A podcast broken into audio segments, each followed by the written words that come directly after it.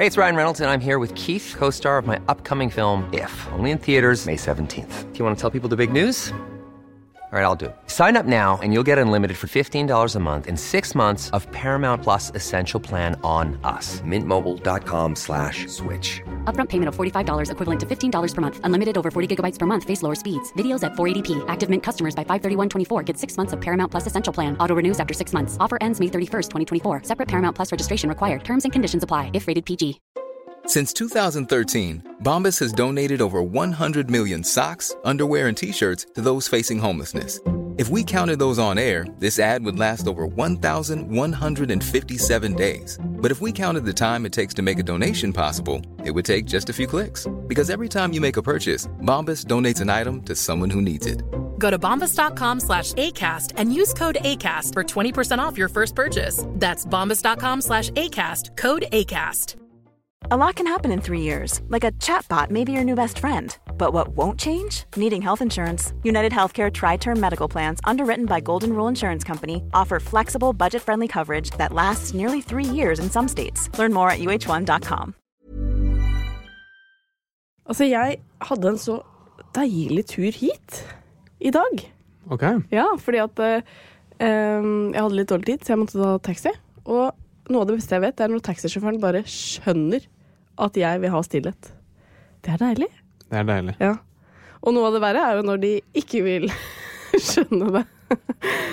Så det må jeg bare si at det var en god start på denne dagen. Ja, men det er bra. Ja. Da er du klar til å gi full gass. Og prate masse. Klar som en egg. Klar som ett egg.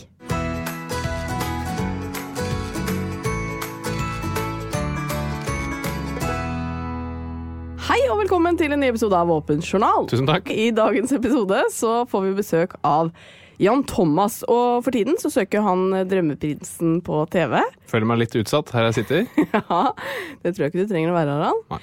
Eh, Men i tillegg til alt eh, det andre han holder på med, så eh, har han altså tatt seg tid til å komme på besøk til oss. Det er utrolig hyggelig. Mm. Han er en meget interessant og fin fyr. Ja. Men Jan Thomas er jo kjent for eh, veldig mye, eh, sine småfreidige bilder på Instagram. Der har jo dere noe til felles.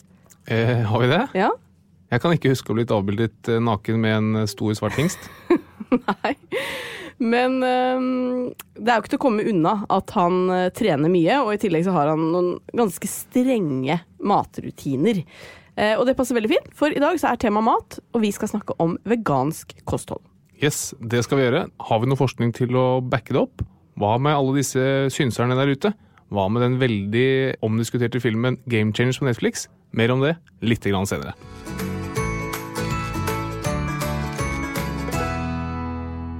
Du, det har vært en uh, finfin uh, uke. Jeg har jo um, rett og slett oppdaget noe som jeg tenker at vi må dele med følgerne våre. Ok, Hvorfor nå er jeg veldig sånn spent. Fordi du har jo for vane å ta med lydklipp av meg. Ja, I dag har jeg tatt med et lydklipp av deg. ok. Um, problemet er bare at det er ikke et veldig bra lydklipp, måte, hvis du skjønner. Nettopp. Så man må høre veldig godt etter. Poenget er jo at du har jo slitt mye med mangel på latter. Ja. Eh, og nå, eh, i forrige episode, så hørte jeg en antydning til latter. Nettopp. Ja. Eh, men før du forklarer på en måte bakgrunnen, om den er ekte eller tilgjort, så tenker jeg vi bare kan høre det. Men problemet er jo at som alltid så ler jeg også, på en måte. Ja. Og jeg ler jo mye høyere enn deg, så man må høre veldig godt etter. Eh, er dere klare? Ja. En, to, Det kommer to, nå. tre, tre, tre, fire, fire, fire, fem, fem, fem. Og hvis jeg gikk opp på fem for eksempel, på et slag, så er jeg sånn Det er riktig måte å telle den låta på. det er helt spytt. ja, det er litt knegging bak der. Det er litt knegging bak der. Ja, det er det. Jeg har faktisk hørt det selv og tenkt på det, og, og kommet til en konklusjon om at det var ikke spesielt bra. Å, jeg syns den var veldig fin, jeg. Å, ja. Det var Ja, det er derfor jeg litt, eh, hadde lyst til å ha det med. Ja. Men det var en Ikke sant? Det er en humring. Ja. Jeg har vært prøvd å være bevisst på de siste gangene, og oh, ja. prøve å klemme ut noe lyd. Men akkurat eh, forrige ukes resultat ikke spesielt fornøyd med, så jeg har tenkt å litt kontrært denne gangen ikke prøve i det hele tatt. Oh, ja. Men var den ektefølt? Det er det. Ja. Det, det er ektefølt. eh, Følelsen som eh, kjennes, er helt ekte. Mm. Det som jeg sliter med, er koblingen mellom følelsen på innsiden og lyden på utsiden. ja. At ikke det matcher? Ja. Ja. Men jeg, kan, jeg skal prøve igjen. Jeg må bare komme meg etter forrige ukes mislykkede forsøk. ok, Jeg likte det. Takk for det. Um, og så er det en annen ting jeg har litt lyst til å ta opp med deg. Fordi uh, Hvorfor ler du av det? Nei, det, jeg, det, altså Vi er sammen altså, ca. 168 timer i uka. Ja. Men de gangene du vil ta det opp, så tar du det opp akkurat her. Ja. Det, det, er jeg veldig, det er jeg veldig glad for. Ja, så hyggelig. Uh, jeg tenker det er en fin anledning. Mm. Um, nei, altså Du har jo uh, siden tidlig høst hatt et prosjekt som heter uh, Prosjekt Ny mann. Ja. Ja. Ny mann. Mm. Eh, som går ut på at du skal trene veldig mye. Eh, og du skal bulke deg opp, for så å deffe, sånn at du sommeren 2020 er liksom helt on fleak, da. Mm. Eh, og så langt så går jo bulkingen veldig bra. Tusen takk. det. Den er, den er nesten imponerende bra, syns jeg, da. Eh, men eh, i og med at vi nå har kommet til eh, februar, snart mars, så føler jeg at som kone, men også som venn, eh, en omsorgsfull venn, Ja. må spørre deg når du kommer til å begynne med denne deffingen. ja. Hva er bakgrunnen for det spørsmålet? Det er vel at den derre At det er jo liksom ikke en hemmelighet, i hvert fall ikke nå når jeg sier det, at du har aldri veid så mye som nå. Nei. Nei. Og det er jeg glad for at du tar opp, for det er jeg litt stolt av. Jeg er nå på 88,5 kilo. Oppe og snuser på 90-tallet. Aldri vært på 90-tallet før. Og mitt mål er jo å komme opp i 90 kilo. Ja. Men Hvorfor er det et mål? Det er kanskje ikke ditt mål, skjønner jeg. Nei, hvorfor er det et mål?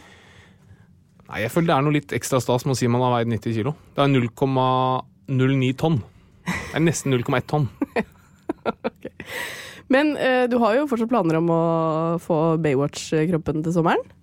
Det er helt riktig. Og Ja. bakgrunnen her er at jeg skal være forlover for eh, en av mine aller beste venner som gifter seg på Bali Mm. eh, nå til sommeren. Og da tenkte jeg det kunne vært litt stilig å mm, se litt røff ut i en eh, lys linskjorte som Ja. blafrer i vinden da jeg går opp på stranden som forlover. Ja. Men du svarte ikke på spørsmålet. Når Nei, begynner spørsmålet? deffingen? Deffingen, den eh, Jeg har vel tenkt kanskje rundt midten av mars. Jeg skal høre litt med han Thomas. Ja, det kan du gjøre. noen tips. Eh, jeg bare frykter at du er litt for glad i konseptet bulking. Det er helt riktig. Og det som også er problemet, er at det har vært noen i enkelte perioder har vært litt dårlige på å trene. Så det er bare spisedelen av bulkingen som har vært fullt. Ja. Og det blir selvfølgelig ikke like effektivt. Nei. Helt enig. Men jeg tar dette som et tegn på at du syns jeg begynner å bli litt tykkfallen. Det mm, er mottatt og tas til etterretning. Nei, det syns jeg absolutt ikke. Det jeg må også må si, er det at eh, jeg tror når det gjelder dette med kropp og kroppsideal og kroppsbilde, Ja. så vil man aldri bli fornøyd med kroppen sin sett utenfra. Aldri. Uansett. Den eneste måten er at du, at du bare bestemmer deg for å være fornøyd. Mm. Og bare se deg selv i speilet og si at dette er jeg fornøyd med. Og jeg, ja, jeg skjønner at jeg har et par kilo ekstra her og der. Jeg er veldig fornøyd med kroppen min. Ja, men det var det, og det skal du ha. at Det er jo grunnen til at jeg syns det er fantastisk å være sammen med deg. Fordi eh, det er veldig deilig som kvinne å være sammen med en mann som ikke bryr seg om eh, Nå er jeg spent. eh, om, om blomster. Det er veldig deilig at du ikke er glad i blomster. Ja, Ja. Ro, ro, ro. Det var et kompliment. Men ja, og jeg tror også det Ofte så trener man, og jeg gjør det også veldig sånn um, overfladisk, for å liksom få en sexy kropp. Men jeg mener, og jeg tror andre også mener, det er mye mer sexy med folk som er trygge i egen kropp. Helt uansett enig. hvordan den er, enn folk som er som superfitte. 100% enig. Så vet du hva? Men kombinasjonen er bra, da. Sånn som Jan Thomas. Det er en veldig bra kombinasjon. Ja da. Men jeg tror ikke han er eh, nødvendigvis den jeg hadde hatt lyst til å dra ut og spise på restaurant med hver eneste helg. Nei, det er helt Ikke enig. Men det vil du med meg. Det vil jeg med deg, for du er så matglad. Veldig glad. Alltid brød og olje til å begynne med. Ja.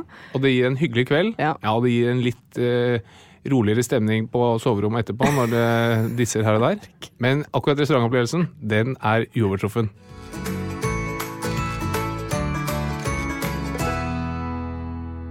Stadig flere velger å gå over til et eh, mer vegansk kosthold, og det kan være pga. at de vil tenke på helsa, miljøet, eller rett og slett av etiske årsaker. Um, det har blitt eh, rett og slett litt trendy å være veganer. Eh, men aller først, Harald, hva består egentlig en vegansk diett av? Yes, og nå beveger vi oss inn i et vepsebol. Ja, Og jeg vil bare gjøre noen avklaringer på forhånd. OK. For det første, forskning er veldig vanskelig. Det finnes masse forskning på og rundt vegansk kosthold eh, med litt forskjellige sprikende resultater. Og man har veldig ofte en tendens til å bare bruke den forskningen som støtter sitt eget eh, syn. Så bare vit det. Det finnes veldig mye forskning der ute. Andre er det at det finnes veldig mye sterke meninger. Veldig mange som er veldig overbevist om at eh, det de tror på er riktig. Mm. Som også farger denne debatten her i stor grad. Det tredje er at det finnes masse selvutnevnte eksperter. Det er mange som føler seg eh, ekspert på området. Jeg vil bare si det med en gang. Jeg er ingen ekspert overhodet. Jeg prøver bare å sammenfatte det mm, som finnes av god forskning på området. Så bare ha dette i mente når vi nå snakker om eh, veganisme. Føler du at du har uh, helgardert deg nå, sånn at du kan si egentlig hva som helst resten av podkasten? Eh, ja, egentlig. Det var litt av målet. Ja. Da kan du jo begynne med å fortelle hva en vegansk diett består av. Yes. Så en vegansk diett det er først og fremst en diett som er kjennetegnet med hva du ikke skal spise. Og en veganer de vil ikke spise produkter som er av animalsk opprinnelse. Altså ikke kjøtt og ikke fisk, men heller ikke melk eller ost. eller Noen spiser ikke honning, for det kommer fra bier. Ikke egg, osv. Eh, Og veganisme det er egentlig et livssyn. Og Ja. i norsk lov så er det sånn at eh, når det er et livssyn, så betyr det at um, offentlige institusjoner og arbeidsplasser de må legge til rette for at du som veganer skal kunne spise vegansk kost. Å ja, det visste jeg ikke. Nå vet du det. Men det veldig mange har lurt på, er jo eh, om et vegansk kosthold gir noen reell helsegevinst. Ja, det gjør det. Det gjør det, ja. Ja, Men så er jo da spørsmålet litt mer Eller svaret er litt mer nyansert enn det. Fordi i og med at veganisme, eller vegansk kosthold, er kjennetegnet av hva du ikke spiser, så kan vi se litt på hva sier forskningen om det som det er anbefalt at du ikke spiser.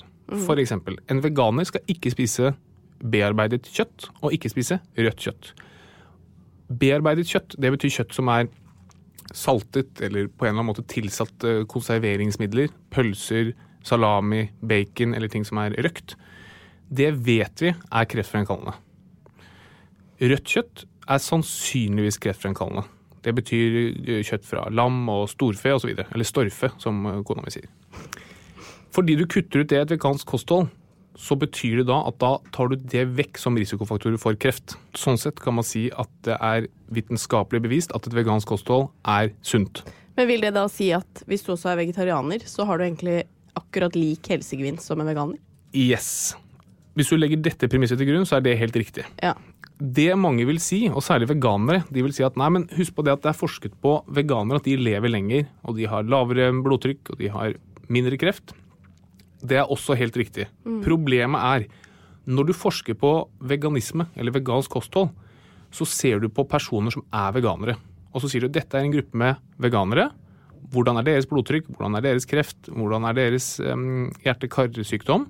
Og så ser du på en gruppe som ikke er veganere. Det som er problemet, her kommer dette med konfundering inn, sammenblanding. En veganer har ofte mange andre ting ved sin livsstil enn bare det veganske kostholdet. For eksempel så vil en veganer ofte trene mer enn en som ikke er veganer. Det å være veganer det er ganske strengt. Du må orke å putte tid og krefter i dette med mat. Og da er sannsynligheten ganske høy for at du også orker å putte tid og krefter i andre helsefremmende tiltak. For eksempel dette med trening. da. De gruppene som også forskes på rundt dette her, det er ofte religiøse grupper. Og bare religion i seg selv har også en helsefremmende effekt. ja, men de fleste veganere jeg kjenner, er jo ikke religiøse. Helt riktig, men Ja. de er ikke forsket på. Nei. Så det man ser på, Du ser på isolerte grupper rundt omkring i verden som spiser strengt vegansk. Men de er også ofte religiøse. Ja. Og da blir spørsmålet lever de lenger, har de mindre kreft, er de friskere fordi de er veganere, eller er det fordi de også er religiøse? Og det vet man ikke på samme måte. da. Dette er konfundering. Måten å finne ut dette på, det er det at du må, du må ta to grupper mennesker som er helt like på alle områder. Og så må du gi den ene gruppen et vegansk kosthold, og så må den andre gruppen et ikke-vegansk kosthold. Og det får man ikke til. Særlig fordi du må ikke fortelle de personene hva de får. Nei. Og det er også veldig vanskelig når det gjelder mat. da. Så du kunne lagt ned det vi kaller en nasogastrisk sonde, altså en slange ned gjennom nesa ned i magesekken, og så bare sprøyta inn til noen sier du vegansk kost, og noen sier du ikke ve- vegansk kost. Da kunne man sannsynligvis fått det til. Og så må man ha mange nok personer til at det blir det som heter statistisk signifikant. Altså, det er jo, det er jo veldig mye fresh mat øh, som er vegansk. Um, så jeg og du øh, har jo for så vidt prøvd å innføre én til to ganger i uken med vegansk diett. Em, men da er jo spørsmålet hjelper det, eller er det på en måte ikke noe vits? Jo, så det du spør om, er det sånn alt eller ingenting-variant, da. Og, og det er det ikke, tror jeg. Jeg tror vegansk kosthold er veldig sunt hvis det er gjort riktig. Jo mindre rødt kjøtt du spiser, jo mindre bearbeidet kjøtt du spiser, jo bedre er det. Så hvis du kan bytte ut én kjøttmiddag med en vegansk middag, så er det veldig bra, da. Men du sier at man må øh, spise vegansk kosthold riktig. Hva vil egentlig det si? Nei, altså det eneste egentlig store hovedargumentet mot vegansk kosthold fra et medisinsk ståsted, det er det at du må få i deg nok næringsstoffer. Fordi et vegansk kosthold som da tar bort alle disse elementene vi har snakket om, da tar du bort ganske mange viktige eh, vitaminer, mineraler og næringsstoffer. Ikke nødvendigvis, men det er mye lettere å få det gjennom et animalsk kosthold enn gjennom et vegansk kosthold.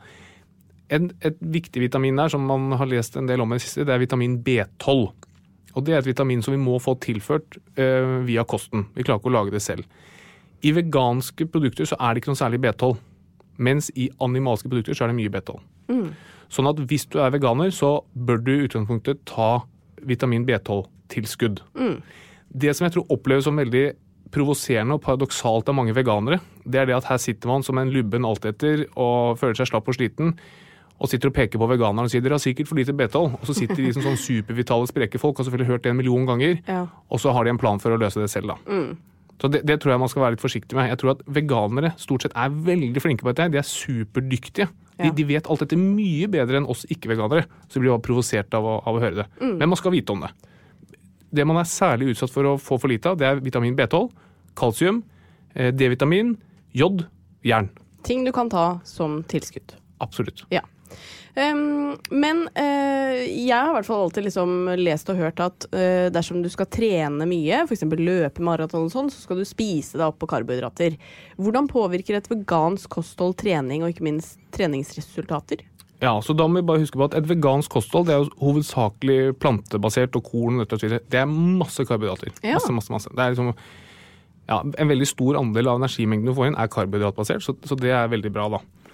Når det gjelder trening, så har vi jo snakket litt om dette før også. Særlig hvis du skal bygge muskler, så er kroppen helt avhengig av proteiner. Um, og trener du mye, så er du avhengig av ganske mye proteiner. Vi har snakket om tidligere, det er ca. 1,5-2 gram protein per kilo kroppsvekt per døgn. Så jeg, som nå veier 90 kilo snart, jeg må ha 2 gram ganger 90, det er 180 gram proteiner i løpet av ett døgn. Da. Det er ganske lett å få til gjennom et animalsk kosthold. Hvis du spiser litt kylling, litt biff, litt cottage cheese, ost osv. Det er mye vanskeligere å få til gjennom et vegansk kosthold. Du må spise eh, ting fra planteriket som er rikt på proteiner. Som hva da? Eh, nøtter og en del av disse belgfruktene, eh, bønner, kikerter, det er en del av disse tingene som inneholder mye proteiner. Igjen, dette vet veganerne, og de har full kontroll på det. Men man skal bare vite om det. Men det som eh, har blitt en litt sånn diskusjon, er jo at en ting er å, å bestemme selv at jeg selv vil spise vegansk, men eh, det har jo skapt en del debatt at eh, folk gir barna sine eh, vegansk mat. Ja. Eh, hva tenker du om det? Det tenker jeg er høy risiko. -hmm.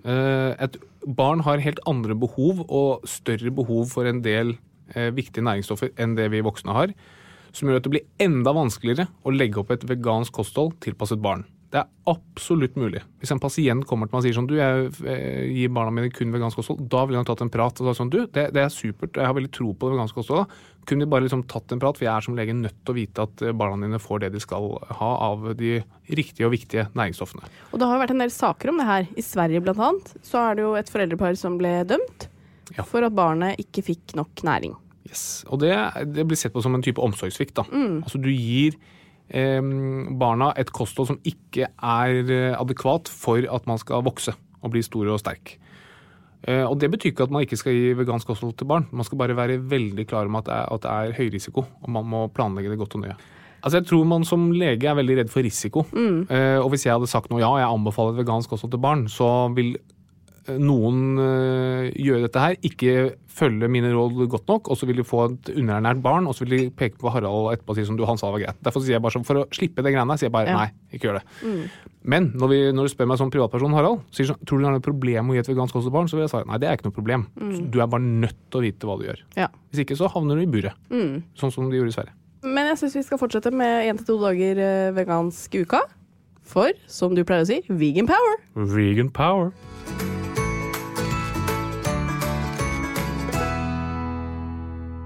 Så vi har jo hver uke touchet innom diverse medisinske tema, som er veldig gøy, veldig interessant for i hvert fall meg. Håper for deg, og håper for enda flere. Um, så jeg har fått en tilbakemelding fra Kreftregisteret. Ja. Veldig bra. Veldig fint at de også er på ballen og hører på denne podkasten. Veldig hyggelig. Og det gikk på at eh, da vi hadde intervju her med Siri Kristiansen så Hun er en veldig tøff dame, og en måte hun viser at hun er tøff på, er at hun aldri går til legen. Og vil gjerne ha bekreftelse fra legen på det, som hun fikk av meg. Jeg sa at hun var veldig tøff. Ja. Og så spurte jeg, men når du får innkallelse til disse screeningprogrammene, Ja. sånn som livmorhalsprøve og mammografiscreening, møter du da ikke opp?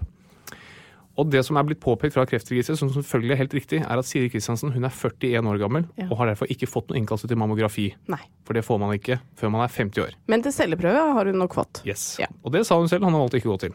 Jeg anbefaler å gå til det, men det var ikke poenget for dette her. Det var altså at du får ikke mammografiscreening før du er 50 år. Jeg eh, er så heldig å få en del eh, spørsmål av dere følgere på eh, Instagram, i min DM der. Og dere må gjerne sende meg spørsmål der som vi kan ta opp her i podkasten.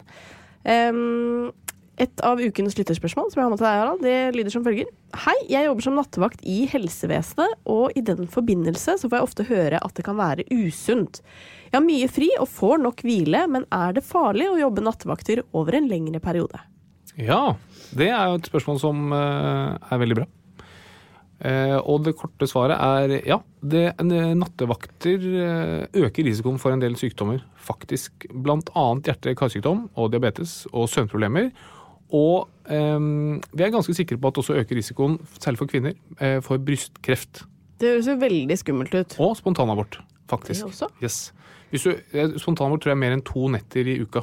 Ok. Da mm, øker risikoen for spontanabort. Ja. Sånn at ja, det er masse negative helseeffekter forbundet med å jobbe på natt. Kan man gjøre noe for å Altså, noen må jo liksom jobbe natt. Det, er det, det er en del av jobben til veldig, veldig mange mennesker. Kan man gjøre noe for å redusere risikoen? Eh, det er et godt spørsmål. Det vet jeg faktisk ikke. Altså Det man ser er jo flere nattevakter på rad du jobber, jo verre er det. Sannsynligvis så vil også endringen i døgnrytme eh, påvirke det i ganske stor grad. Da. Hvis, du, hvis du jobber liksom bare natt og sover på dagen og klarer liksom å snu døgnet helt rundt, det vil jeg anta, dette vet jeg ikke, men jeg anta er sunnere enn den der frem og tilbake. da. Ja. Men hva kan man gjøre? Nei, det jeg ville gjort hvis jeg var sykepleier, hadde sagt sånn du, hvis jeg skal jobbe på natt, så skal jeg ha mye mer lønn.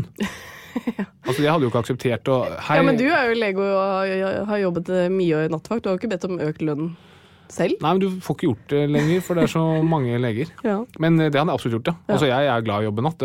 De vaktene jeg gikk, var jo 26 timer. Supergøy, men det er en veldig høy risiko. Og da kan du gå til arbeidsgiver og si sånn Hei, du.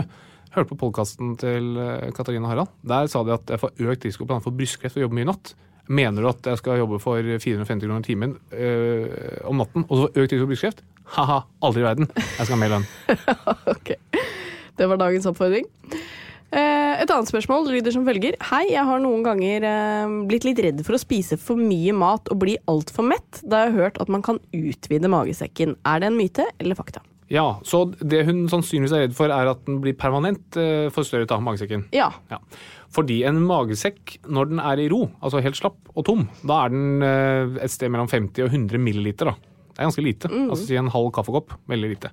Men du kan fylle den opp med ganske mye. Den kan bli ca. en liter, og i liksom ekstreme tilfeller opptil fire liter stor. Da. Så den har en enorm evne til å utvide seg, og det er vi avhengig av. Em, når man overspiser eller spiser veldig veldig mye, så, så blir magesekken veldig stor. Du får masse strekk på den, og man føler seg mett og har det ikke noe særlig.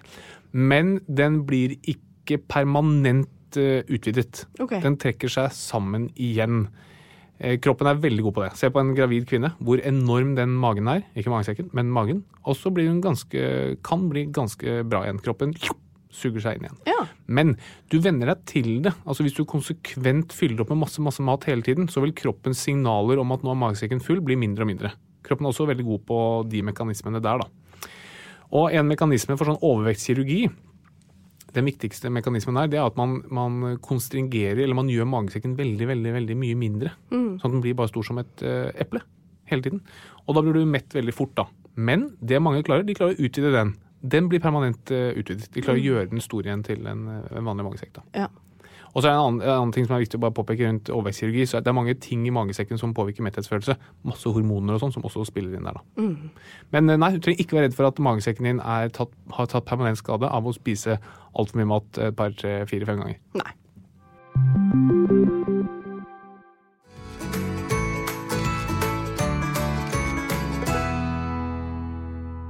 Vår eh, gjest denne uken har bygget opp et eh, skjønnhetsimperium, er Norges eh, mest populære stylist, og eh, ikke minst driver han en av Norges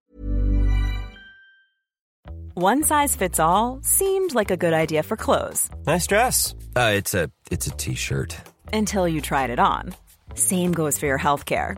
That's why United Healthcare offers a variety of flexible, budget friendly coverage for medical, vision, dental, and more. So, whether you're between jobs, coming off a parent's plan, or even missed open enrollment, you can find the plan that fits you best. Find out more about United Healthcare coverage at uh1.com. That's uh1.com. Even when we're on a budget, we still deserve nice things. Quince is a place to scoop up stunning high end goods for 50 to 80% less than similar brands. They have buttery soft cashmere sweaters starting at $50, luxurious Italian leather bags, and so much more. Plus, Quince only works with factories that use safe, ethical, and responsible manufacturing. Get the high-end goods you'll love without the high price tag with Quince. Go to quince.com slash style for free shipping and 365-day returns. Here's a cool fact a crocodile can't stick out its tongue. Another cool fact you can get short term health insurance for a month or just under a year in some states. United Healthcare short term insurance plans are designed for people who are between jobs, coming off their parents' plan, or turning a side hustle into a full time gig. Underwritten by Golden Rule Insurance Company, they offer flexible, budget friendly coverage with access to a nationwide network of doctors and hospitals. Get more cool facts about United Healthcare short term plans at uh1.com. Norges mest populære podkaster, og nå jakter han Drømmeprinsen på TV. Hjertelig velkommen, Jan Thomas. Takk! For en deilig intro. Har du tid til å være her? Nei. Nei. Men jeg er eh, over middels opptatt av dere to. Eh, faktisk, Og jeg mener begge to. Og det Så det var sånn, tenk deg å få være her eh, Kan man si det på selveste valentine? Ja, det er veldig hyggelig. Det er veldig hyggelig. Ja, dere er, jeg liker, så jeg har, jeg, Man kan ha flere valentiner. Ja, tenk at vi skal dele denne valentinsdagen. Det er veldig hyggelig. Så hyggelig. Men vi må spørre, jeg vet at du ikke kan avsløre så veldig mye, men Ja. vi følger jo veldig spente med på denne serien din, Ja. hvor du søker en ny kjæreste. Um, og du kan sikkert ikke avsløre så mye, men er du forelska om dagen? Oh, jeg, jeg, jeg mm, Som du sier, jeg kan ikke avsløre så mye, men eh, jeg er eh, Jeg har det veldig bra om dagen. Jeg har fått være med på et eventyr som er for meg helt ubeskrivelig. I min villeste fantasi, hvis noen satte meg ned og sa at dette her er hva du skal ut og gjøre, Jan, eh, under de premissene på at du skal finne deg en kjæreste og og så sitter jeg igjen med Jeg, jeg har bare ett kort oppsummert, det er sjelden jeg er kortfattet, men eh, takknemlighet. Mm. Takknemlig for alle gutta som kom ned, som har åpnet seg, som har delt livet sitt med meg og resten av Norge. Eh, og viser at eh, det går an å lage TV basert på kjærlighet, som ikke håndterer eh, kun sex, drugs and rock and roll. Mm. ære være de som gjør det, får de bare gjøre. Men at vi fremdeles kan få folk som ser på oss og skjønne at det ligger en verdi i det, det er helt fantastisk. Så jeg, kjenner meg forelsket i livet. Men eh, Jan Thomas, jeg må liksom spørre, fordi eh, både her nå og i eh, podkasten med Einar, så snakker du Opplever jeg mer åpent enn noen gang Ja. om kjærlighet, om sex, om kropp. Ja. Um, er det liksom Har du blitt mer åpen med årene, syns du selv? Ja, jeg har begynt å gi litt mer faen. Ja, det føler jeg Ja, det har jeg gjort. Før var jeg veldig opptatt av å være veldig perfekt og ordentlig, og jeg er en fagperson, og eh, alt jeg gjorde, dersom jeg gjorde noe, så var jeg veldig opptatt av å vise hva jeg kunne, og litt sånn eh, å, å sette ting i perspektiv, så sa alltid mamma det at eh, Gud, Jan, Janemann, sa hun alltid, Janemann, jeg skulle ønske at alle kjente deg sånn som jeg kjenner deg. Ja, mamma, jeg vil ikke at folk skal, det er liksom litt privat, og og så vet jeg ikke, så har jeg liksom bare vokst opp og tenkt at nei, dette gidder jeg ikke. Ofte er så Ja. Slapp av litt, senke Ja. skuldrene. Eh, og, og bare være meg selv. Det er slitsomt. Jeg var 18 år gammel da jeg dro til USA. Og jeg var jo født med et annet navn enn det jeg har i dag. Jeg måtte endre navnet mitt. Jeg måtte oppføre meg sånn og slik. Jeg kunne ikke gjøre det. Og så skulle jeg blå kontaktlinser, for det var fint. Altså, det var bare hele tiden det jag om å være noe du ikke er. Det er slitsomt. Så, eh, så da, til syvende og sist var det deilig bare å våkne og si ja, bare, her er jeg. Ja. Eh, vi har snakket litt om mat i dag. Um, og vegansk kosthold. Mm. Kunne du spist vegansk? Jeg kunne, og jeg så denne filmen, eh, hva er den het? Game Game Changers. Ja, Game Changer. Og da, Jeg er jo veldig lett påvirkelig. Jeg er sånn som går inn flyplassen, og så stopper de meg ofte sånne folk og sier Have you tried this eye cream? Og så sier de ja, du ser ti år yngre ut, da, men fantastisk, kjøper jeg den. Jeg har 100 fra før.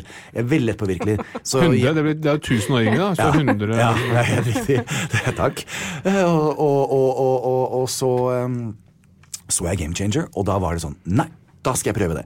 Og det som, det som eh, solgte meg, det var eh, dette her med ereksjon og eh, at de hadde gjort den testen på de sportsgutta. Det syns jeg var veldig fascinerende. Og så det at kroppsbyggere og kunne bevare vekten. Jeg, jeg var mobbet som stankelben da jeg var liten, så jeg var så engstelig for at dersom jeg går vegansk, at jeg skulle miste muskelmassen min, som jeg har jobbet så hardt for. Så jeg gikk til PT min dagen etterpå og så sier jeg det at sånn og sånn og sånn. Og sånn, og sier han ja, men la oss Let me break it down for you. Og så forklarte han litt utgangspunktet og hvorfor denne filmen også har fått mye kritikk. Eh, mengde du må spise for opp... Altså, han satt ting i perspektiv for meg, så han sier hør her, ingenting er bedre for miljøet eh, og kroppen hvis du vil gå vegansk. Gjør det to ganger i uken. Eh, men, men dersom du skal gå 100% så vil det kreve veldig mye av deg. Så forklarte han meg konsekvensene av det. Så jeg er ikke en motstander av det, men jeg tenker da gjør jeg det to ganger i uken. Og vi har en fellesvenn, Guro. Guro Tveden. Hun har jo fått en eller annen bok Ja. som hun nå driver og, og tester. Ikke sant? Men hun er veldig flink, så jeg har fått sånne der bønnegryter og ting og tang av Guro, som er veldig godt. Ja. Men jeg ikke sant, jeg klarer jo ikke å lage sånt noe selv. Men eh, jeg er veldig veldig, veldig fascinert av det. Eh, og, og, og har lyst til å lære mer om det. Men jeg tenker kutt et rødt kjøtt. Eh, vegansk to ganger i uken. Eh, begrense Prøve mer fisk enn kylling. Eh, så jeg er jo jeg, Hodet mitt tenker sånn. Ja. Men, men dette med tarmskyld, og så får du fortalt at det ligger i, i tarmen din i flere år. Ja. Det stemmer jo bare ikke. Nei. Det ligger ikke der i flere år, altså. Men de Um, harde, svarte klumpene har vært der en stund. Eh, Det har de, men, flere, altså, men, men tarmene tømmes hele tiden. Ja. Og tarmskyld, altså det kan godt være man opplever bra effekt, men, men det, du skal ikke være redd for at det ligger i tarmene i flere år. Altså, for det, det gjør det ikke, heldigvis. Men når det er sagt, jeg tror måten du har eh, vridd kostholdet ditt, det er det jeg tror som kommer til å skje fremover. Jeg tror ikke det blir nødvendigvis så veldig mange flere veganere fremover, men jeg tror det blir mye mer vegansk kosthold. da. Du legger inn flere dager i uka. Men ehm, du eh, går og tar ta- tarmslyng, du har PT, du trener, du spiser Ikke tarmslyng, men tarmskyld. tarmskyld. tarmslyng har jeg ikke fått så mye av. Det er uh, Det er kanskje ja. greit at du ikke har. Ehm, det virker som du gjør veldig mye for å ta vare på helsa di. Ja. Um, er du sånn som uh, går til legen for den minste ting? Ja. Ja, det gjør du. Harald, hallo. Han vet. Nei, altså, går til lege og går til lege. Um, jeg, jeg tenker at det er greit å få ting avklart hvis jeg lurer på noe. Eh, Og da er jeg ikke sånn typisk norsk som bare Jeg venter til jeg sitter der med en rusten spiker i hånda, liksom. Så da tar jeg, jeg tar det med en gang. Ja. Så det er sånn, Jeg er veldig skolert til det. Jeg kommer fra USA. Hvis jeg får en kvise eh, Det var særdeles uheldig når jeg jobbet som modell og skuespiller. Jeg ville jo ikke ha det. Eh, Nå har jeg fått to venner akkurat her i dag som er på vei bort. Jeg vet ikke hvor de kom fra. Men uh, da går jeg til legen og får en kortisonsprøyte, og så er den, så er den borte. Jeg sitter jo ikke som en sånn tulling, og eh, hvis jeg hoster og harker, så ringer jeg jo hvis jeg har vondt i eh, døv på det ene øret. Uh, så vil jeg gjerne vite hva det er. Eh, så absolutt, jeg er veldig glad i å, å, å få hjelp. Ja. Nå høres det ut som at jeg blir nedringt, da, det, det blir jeg ikke. Du er jo en ekstremt frisk fyr. Jo da. Altså Med den eh, måten du tar vare på deg selv. Det, det sier seg selv at det er jo lite gærent med deg. Men skal jeg si noe som er veldig morsomt? I Kabbalah, som jeg studerte, som er en jødisk tro, ikke en religion, men en, en livstro, så, så kaller vi stress Satan. Stress i livet mitt er det. I alles liv. Ukontrollert stress er jo nettopp det. Det Men kaller er- ikke du din eksmann for Satan? Jo, og han er en ukontrollert stress. og da, da er det litt av det Det prøver jeg å begrense. Eh, jeg tar ikke med meg stress inn i huset mitt. Jeg, jeg blir ferdig med det. Eh, jeg sover i hvert fall åtte timer hver eneste natt, og det timer jeg. Jeg er supernøye på det. Og så får jeg heller gå på litt færre partyer og sånne sosiale ting, eh, fordi jobben krever veldig mye av meg. Jeg tror alle disse medvirkende faktorene her når jeg sover bra og spiser bra, så har jeg god sexlyst osv. osv. Hvis jeg skulker på en av de, så, så, så, så får, blir det en sånn der, litt sånn usunn, uh, usunn uh, sirkel. Alt dette du sier høres liksom helt genialt ut. Ikke sant? Man tenker sånn, Selvfølgelig burde jeg også få åtte timers søvn, men Harald, hvorfor, hvorfor klarer ikke vi andre, eh, normale mennesker, eh, å ikke bare gjøre sånn som Jan Thomas? Nei, men Det er jo snakk om prioritering. Og det er litt sånn som du er inne på, Jan, at eh, du er jo ekstremt disiplinert. Så er klart at For Jan å legge om til et mer vegansk kosthold det vil sannsynligvis ikke ha så mye effekt, han er så ekstremt bevisst på det han gjør i, i utgangspunktet. da. Så jeg tror det handler om altså man er, Dette med å se langsiktige gevinster til ting er vanskelig for mange. Ja. Og dette med å trene det krever ganske mye. Altså det er jo ganske, For mange ville det jo vært veldig stress å klare å leve sånn som du gjør. Sove åtte timer. Det er bare umulig å få til å gå i hop. Og så er man opptatt av komfort. da. Det er, som, Ja. ah, vet du det er deilig å ligge på sofaen en dag enn å trene. Det, skal, Ja. det, det krever ganske mye å ta deg selv i nakkeskinnet. Komme deg ut. Så Sånn sett så er du et slags eh, mentalt overmenneske. Du er jo veldig god på å holde disse rutinene og stå i det over lang tid. Altså, Det er veldig imponerende. Men da kan vi få, øh, få kanskje ett konkret tips. da. Hva er det, liksom det viktigste du gjør for helsa di som eh, vi andre kan lære av? begrense stress. Eh, og, og da har jeg eh, et, et godt tips. Uh, vi må umiddelbart bli enige om, som en nasjon, som et land, uh, å slutte å gi fra oss all makt til å la andre styre hvordan vi skal ha det. Det og Bare ved å gjøre det, sånn er det tull, og han gjør meg kjempeglad, og hun gjør meg så sinna, og den situasjonen Det er ingenting som gjør deg sinna, eller som gjør deg glad. Det, det er dine reaksjoner. Det er hva du er villig til å gi fra deg. Så hvis du da bevisst en dag våkner og tenker i dag så skal jeg være bare uforskammet positiv, og jeg skal ikke ta meg Jeg trenger ikke å For det er støy. Du har da altfor mye å gjøre i livet enn å sitte og bekymre deg for. Altså, hva andre syns om deg, det er ikke That's none of your business. Ferdig snakka. Og hvis vi begynner der, eh, så er alt annet eh, Da har man i hvert fall en annen ro i livet. Og så være realistisk. Ikke sant? Det er jo ikke eh, I åtte, syv, åtte år så har jeg vært singel. Så husk også på det. Jeg, jeg som en singel mann, jeg tjener greit, jeg har det bra, jeg har ingen andre å tenke på enn meg selv. Så det er klart at jeg har et annet utgangspunkt enn et par, eller noen, et par med barn, eller, eller andre ting.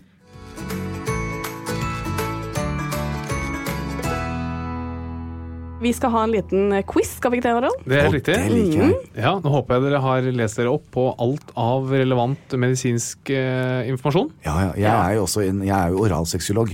Så jeg har jo jeg, jeg har en formell utdannelse innen legeindustrien, jeg også. Er det et eget felt? Oral sexolog? Ja, det er det. ja. Kjempefint. Da håper jeg det er en del spørsmål om det. Ja, Harald. MD. Jan Thomas. Ja. Og ukens quiz, den til ære for Jan Thomas, heter den Ukens jizz. Oi, så bra! Fin. Det var kreativt. Takk for det. Tusen takk for det. Vi starter relativt enkelt, og første spørsmål går til eh, Katarina. Hvor Oi. mye protein er det i kjøtt? Hvor mange prosent av kjøtt Oi, prosent, ja. er protein? Vet du dette, Jan Nei. Thomas? Nei. Eh, ikke. Jeg må nok gjette litt, men jeg vil jo tippe mm, kanskje en 40% Ok, Hva sier du, Jan? Ja, det, jeg trodde det samme. Jeg ville også lagt meg på 40. Ja. Og så vet jeg jo sånn at eh, ja, men brokkoli har mer protein enn kjøtt. Men jeg har sett at du spiser 14 sekker, ja. Ja. Eh, så, så jeg sier Jeg også ville trodd eh, at Kommer an på kjøttet. Det er, det er for så vidt helt riktig. Ja. Det, er, det er en fin måte å prøve å lure deg unna her nå. Den tar jeg deg på. Ja. Vi må ha sånn cirka tall. Okay. Katrin sa cirka 40. Ja, det er fisse forskjeller, men det er et greit eh, Ja. tall. Jeg også ville tro Jeg tror ikke det er mye mer enn 40, men 47, da. Okay. Eh, riktig svar det er 20. Cirka 20. 20 prosent. Nei, er det sant? Ja. Det er faktisk helt sant. ja. Så derfor, men det er- burde jeg ha visst. Neste spørsmål. Hvor mye protein er det i mandler? Og da skal du få starte. Ja. Det vet jeg mye. For Det det, vet jeg. Det er, eh, jeg bruker mandel i proteinshakene mine og går alltid rundt. Jeg har alltid i bilen en pose mandler og tar meg en liten håndfull før jeg skal og trene. Eh, um, oh, er det sånn prosent sånn som, vi, sånn, som i, i det samme f- greia? Yes. Hvorfor ikke slå til med 57? 57 okay. Ja, da går jeg opp på 70, ja. Ok, Så dere begge mener at det er mye mer i mandler enn kjøtt? Ja. Nei, Riktig svar er 20% der. altså. Der? Er det sant? Cirka like mye kjøtt som det er i mandler. Er det sant? Ja. Wow! det, ikke sant, man lærer mye her. Man lærer mye. Ja. Man lærer mye. Jeg, har altså, jeg tar mandler i overnight, overnight oats. Det er veldig godt. så har jeg det. Ja. Neste spørsmål. Hvor mye protein er det i sæd? Oi, um, ja, det, det magiske tallet her er jo 20, så jeg går for 20. Du går for 20, ja? Ja. Jan? Og proteiner, og igjen så kommer det an på hvor sunn du er, og hva du spiser. Er For også. Sædkvaliteten min, min er veldig søt og god, for jeg bruker Splenda i maten min. Det har jeg fått bekreftet. Eh, men det var ikke det spørsmålet var. Eh, proteiner, jeg tror eh, Kan jeg få stille et spørsmål om spørsmålet? Det skal du få lov til. Ja. Eh, ville det vært noen medisinske fordeler av å bruke sæd eh, rundt øynene før man legger seg? Det, det vet jeg faktisk ikke. Nei. Det, Fordi du tenker at Nei, for jeg tenker at det gir protein og fuktighet oh, ja. til huden, og det er veldig oppstrammende. Ja, eller at du kunne brukt eh, Nå er jeg veldig spent på hvor mye det er i ja. men, men om du kunne brukt det i proteinshaken i stedet? Ja, det er så klønete, for da må du liksom stå og få Men sånn på kvelden er det naturlig, for da er det en naturlig del av eh, go, eh, go to bed-rutiner. Mm. Men jeg har alltid bare lurt på det, for det må jo være veldig sunt. Ja, det kan jo vi lese oss opp til, Ja, på til neste gang. Og tekste meg på. Jeg tror Ja. det er, altså, jeg tror sæd inneholder eh, i protein eh, 12. Riktig svar er 5 Så 5 oh, ja, Oh, ja. Så det er ikke så veldig mye. Nei. Neste spørsmål. Hva koster en penispumpe? Katarina. Ja, dette vet jo du, Jan Thomas. Eh, Jeg vet da søren, jeg. Eh, 1200 kroner. Det er en sånn mellompris. Ja. Okay, Hva sier Det, du, Jan? eh, du, den flashlight Jeg har jo forskjellige modeller. Eh, Og du har sikkert en sånn Rolls-Royce. ja, jeg har det. Ja. Ja. den ligger på i underkant av 2000 kroner. Ja. Eh, men den manuelle pump, den, er, den må du lade opp. Og det er noen, hvis jeg reiser ut og ikke har med forskjellige ladere, så er det så klønete, og den er litt større. Ja. Da tar jeg med den håndholdte, eh, og den ligger på ca. 700-800 kroner. Nettopp. Veldig bra. Her har vi jo fasiten. Det er selvfølgelig helt riktig. Men kan jeg stille Jeg hadde egentlig, Er det lov, eller tar det for mye tid? Nei, det er stille i vei. Ja, dette er bare, for Jeg syns dette er kjempemorsomt, og nå skal jeg vite, nå skal jeg lyst til å høre fra en lege hva dere syns. Ok, hele, jeg, Det begynte jo som tull med dette penispumpegreiene. Og så kjørte jeg 20 minutter over lengre tid. Opplevde veldig mye mer sensitivitet. Jeg kom mye fortere. Eh, og så begynte jeg, jeg over middels interessert i dette her, sånn at jeg drev jo og målte. Eh, Målte størrelsen? Lengden, Ja. girth, også girth, eh, tykkelse og lengde. Ja. For jeg tenkte, er det noe i det? For i mitt hode så tenkte jeg at det er litt sånn som magesekken. Hvis du spiser masse, masse, masse, masse, mat, så ekspanderer den og blir større og større. og større. Mm. Så hvis du nå gjør noe med penisen din som gjør at eh, blodårene utvider seg konstant hver dag over 20 minutter under veldig mye press, Mm. så tillater det mer blod. Ergo så er det da permanent, eller vil det alltid trekke seg tilbake der det kom fra? Eh, jeg er jo ingen lege, så jeg vet jo ikke. Jeg har bare egen erfaring. Så jeg måtte ta fram målebåndet og så finne ut. Så dette er hva jeg har opplevd. Jeg sluttet å bruke min penispumpe før jeg dro til Sør-Afrika, og så har jeg ikke begynt igjen etter. Så nå er det et par, tre, fire måneder, to-tre måneder jeg ikke har brukt den. For jeg hadde lyst til å se om det var en varig effekt. For jeg merket bortimot 1 til halvannen centimeter i lengde, og betraktelig tykkere. Men negativt er at jeg var så sensitiv at jeg, jeg kom så skrekkelig fort som en tenåring. Eh, nå, flere måneder senere, så opplever jeg fremdeles at den er bortimot to centimeter, en og en halv da, lenger, og at tykkelsen er tykkere. Det, det kan jo ikke være min fantasi, eh, fordi at jeg har jo målt og sett. Ja, dette er veldig gode spørsmål. Det man vet er jo selvfølgelig at den, den kortvarige effekten så blir den større, Ja. både i lengde og i omkrets. Man har så vidt jeg vet ikke forsket på det eh, nok til å kunne si noe om det gir en permanent eh, økt eh, lengde og, og omkrets. Men rent fysiologisk så tror jeg veldig på den modellen Mm. du forklarer, at når du konstant setter ting under strekk over lang tid, så blir den større. Ja. Vi hadde akkurat spørsmål tidligere i podkasten rundt dette med magesekk, og på magesekken den er flinkere til å trekke seg sammen, og penisen din vil sannsynligvis bli litt grann mindre hvis du nå slutter å bruke den over flere år, Ja. men at det har en vedvarende forstørrende effekt på penis, ja, det tror jeg på. Og jeg tenker at uh, kanskje Du har bursdag om ikke så lenge. Aron. Da skal jeg hjelpe deg, Ja, Katarina. da tror jeg jeg ringer deg, Jan Ja. Thomas, for hjelp til gave. Da er det bare å kjøpe en ekstra stor en. Ja. Liksom. Ja. Kommer de i forskjellige størrelser, forresten? Absolutt. Så du må ha en rett og slett, fordi Den første jeg fikk, var håndholdt, og den var for liten. Eh, og da bare gjør det vondt, for det stanger oppi, uh, oppi greia. Men da vil jeg bare be om at eh, den jeg får, hvis jeg får en, kjøp en litt liten en, for det, er veldig, det, det, det føles veldig kult å kunne si første penispumpen den er for liten. Ja, ja. Men den er, skal det med ja. Det er veldig mye verre andre vei. ikke sant? Ja. Du, jeg, jeg fikk den penspumpen, den er litt stor, kunne jeg fått Ja. den mindre. Jeg liker hvor denne quizen tar Er det flere eh, quiz? Det er flere spørsmål. oh, ja. Kan man brekke penis? ja. Okay. Og det er det mange som har gjort. Jeg ser på bisarre sykdommer, eh, og ved flere anledninger eh, så har faktisk penisen eh, brukket. Mm. Ja. ja, det kan man. Ja, det er helt riktig. Ser man det på røntgen? Start med Jan. Ser man det på røntgen Nei. Ok, Hva sier Katarina? Nei, jeg ville ikke tenkt det. Hvorfor ikke? Fordi det er jo ikke et beinbrudd. Nei. Nei, ikke sant. Det er helt riktig. Man har ikke noe bein i penis. Men du har likevel sånne veldig eh, stramme bindevevsdrag som kan knekke. Ja. Som Jan sa. Helt riktig. Ja, og det er mange som har en penis også. Eh, jeg har jo sett min share. Som ser ut som de er brukket. De er så skjeve. Ja. Eh, eller det er en sånn der bøy på de, som en eh, boomerang, liksom. Det er helt sykt. Og vanskelige peniser å eh, behandle. Ja. Ja. Det er helt riktig. Ja. Det er ikke uvanlig. Nei. Nest siste spørsmål. Okay. Starter med deg, Katina. Kan Ja. man transplantere penis? Eh, oh, man kan jo i hvert fall lage en penis av en vagina. Ja, jeg vil tro man kan transplantere en penis. Hva sier du, Jan? Der er jeg litt usikker, men jeg, har jo, jeg syns alt dette her med rundt dette temaet er superinteressant. Så jeg vet jo at når en jente skal bli gutt eh, Jeg tror ikke det er faen er det en penis som blir transplantert? Eller lager de For den kommer med en pumpe som man pumper opp. Eh, Eller la, tar man fra et annet sted og lager en penis? Uh, jeg tror bare for, at, for å prøve meg på en annen variant, så lurer jeg på om jeg går for den. Altså, det, er- det er ikke noe Det er ikke fra et lik. Nei, nettopp. Nei, det, det er egentlig veldig bra. Bare for å svare først. Ja, man kan transplantere penis, men han transplanterte fra død donor, da. Ja. Oi. Det, det har man gjort. Men det du sier, Jan, det er helt riktig. Når man, når man gjennomgår en eh, kjønnsskifteoperasjon, så kan man eh, lage en penis ut av vagina. Og da Sånn, ja. jeg lærte om dette her på Rikshospitalet for det begynner å bli noen år siden, så husker jeg de, de kirurgene eh, underviste oss om dette her, og de sa, og dette er et dilemma jeg tenker på innimellom, når du er kvinne og skal bli mann, kan godt være at dette er utdatert informasjon, men på den tiden, når du var kvinne og skulle bli mann, så kunne du velge mellom to ting. Enten at man laget en penis ut fra andre deler på kroppen, Ja. så den ble relativt stor, Ja. men ikke uh, brukende. Ja. Eller så kunne du gjøre om deler av vagina til en fungerende penis, altså som hadde mulighet til ereksjon, for eksempel, Men eh, da ble den veldig liten. Ja. Så du hadde valget en stor penis som ikke kunne bruke noe særlig sex, eller en liten penis som kunne brukes. Da ville jeg jo hatt en liten, jeg. Det å ha en velfungerende penis må jo være veldig viktig som mann. Ja, en er velfungerende. Ja, det har du helt rett i. Siste spørsmål. Kan man transplantere penis fra griser, Katarina? Nei. Jan? Jo. Fordi grisens atomi, at, Anatomi? anatomi er veldig likt, er det ikke noe sånt da? Eller vi er Jeg, jeg, jeg sier ja. Ja. Nei, man kan ikke det. Nei. Men det er helt riktig. Grisens anatomi er veldig lik. Og okay. det, man bruker deler bl.a. hjerteklaffer Ja, sånn, ja. og transplanterer over fra, fra griser til eh, Ja. mennesker. Det ville jo vært en, mer interessant å spørre kan man transplantere en eh, eh, Menneske- e eselpenis på et menneske, eller en eh, hestepenis. Tenk en elefant. Ja. Ja. eksempel. Nei, det, man gjør det i hvert fall ikke. Nei. Er det teoretisk mulig? Jeg tror faktisk ikke det heller. Nei. Det som hadde vært interessant, hadde vært å transplantere en menneskepenis til en gris. ja. For å se hvordan det gikk. Ja, Det burde egentlig gått, da. Men the moral of the story som vi diskuterer her, det, det er jo kjempeinteressant. Men det er også noe jeg oppfordrer norske folk til.